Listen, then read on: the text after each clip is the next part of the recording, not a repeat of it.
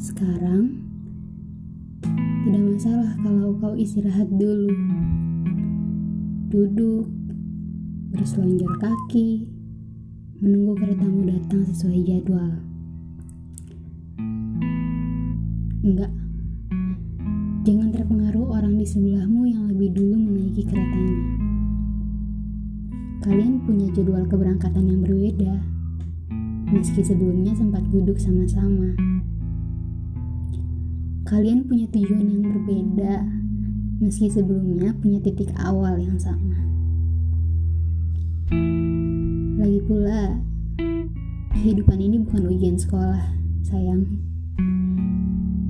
Jawabanmu dan jawaban teman di sebelahmu gak bisa sama. Meski mungkin boleh jadi pertanyaan yang diajukan gak beda. Kalian punya nilai kehidupan masing-masing yang gak bisa dipaksa. Sekali dua, teman dudukmu akan berganti. Apalagi nanti, kalau kau sudah di dalam kereta, kau bisa lihat mobil-mobil bus di jalan raya. Mereka mungkin punya tujuan yang sama sama kamu, tapi caranya berbeda. Jadi singkatnya gini, tidak perlu merasa tertinggal sendiri, tidak perlu merasa berkecil hati.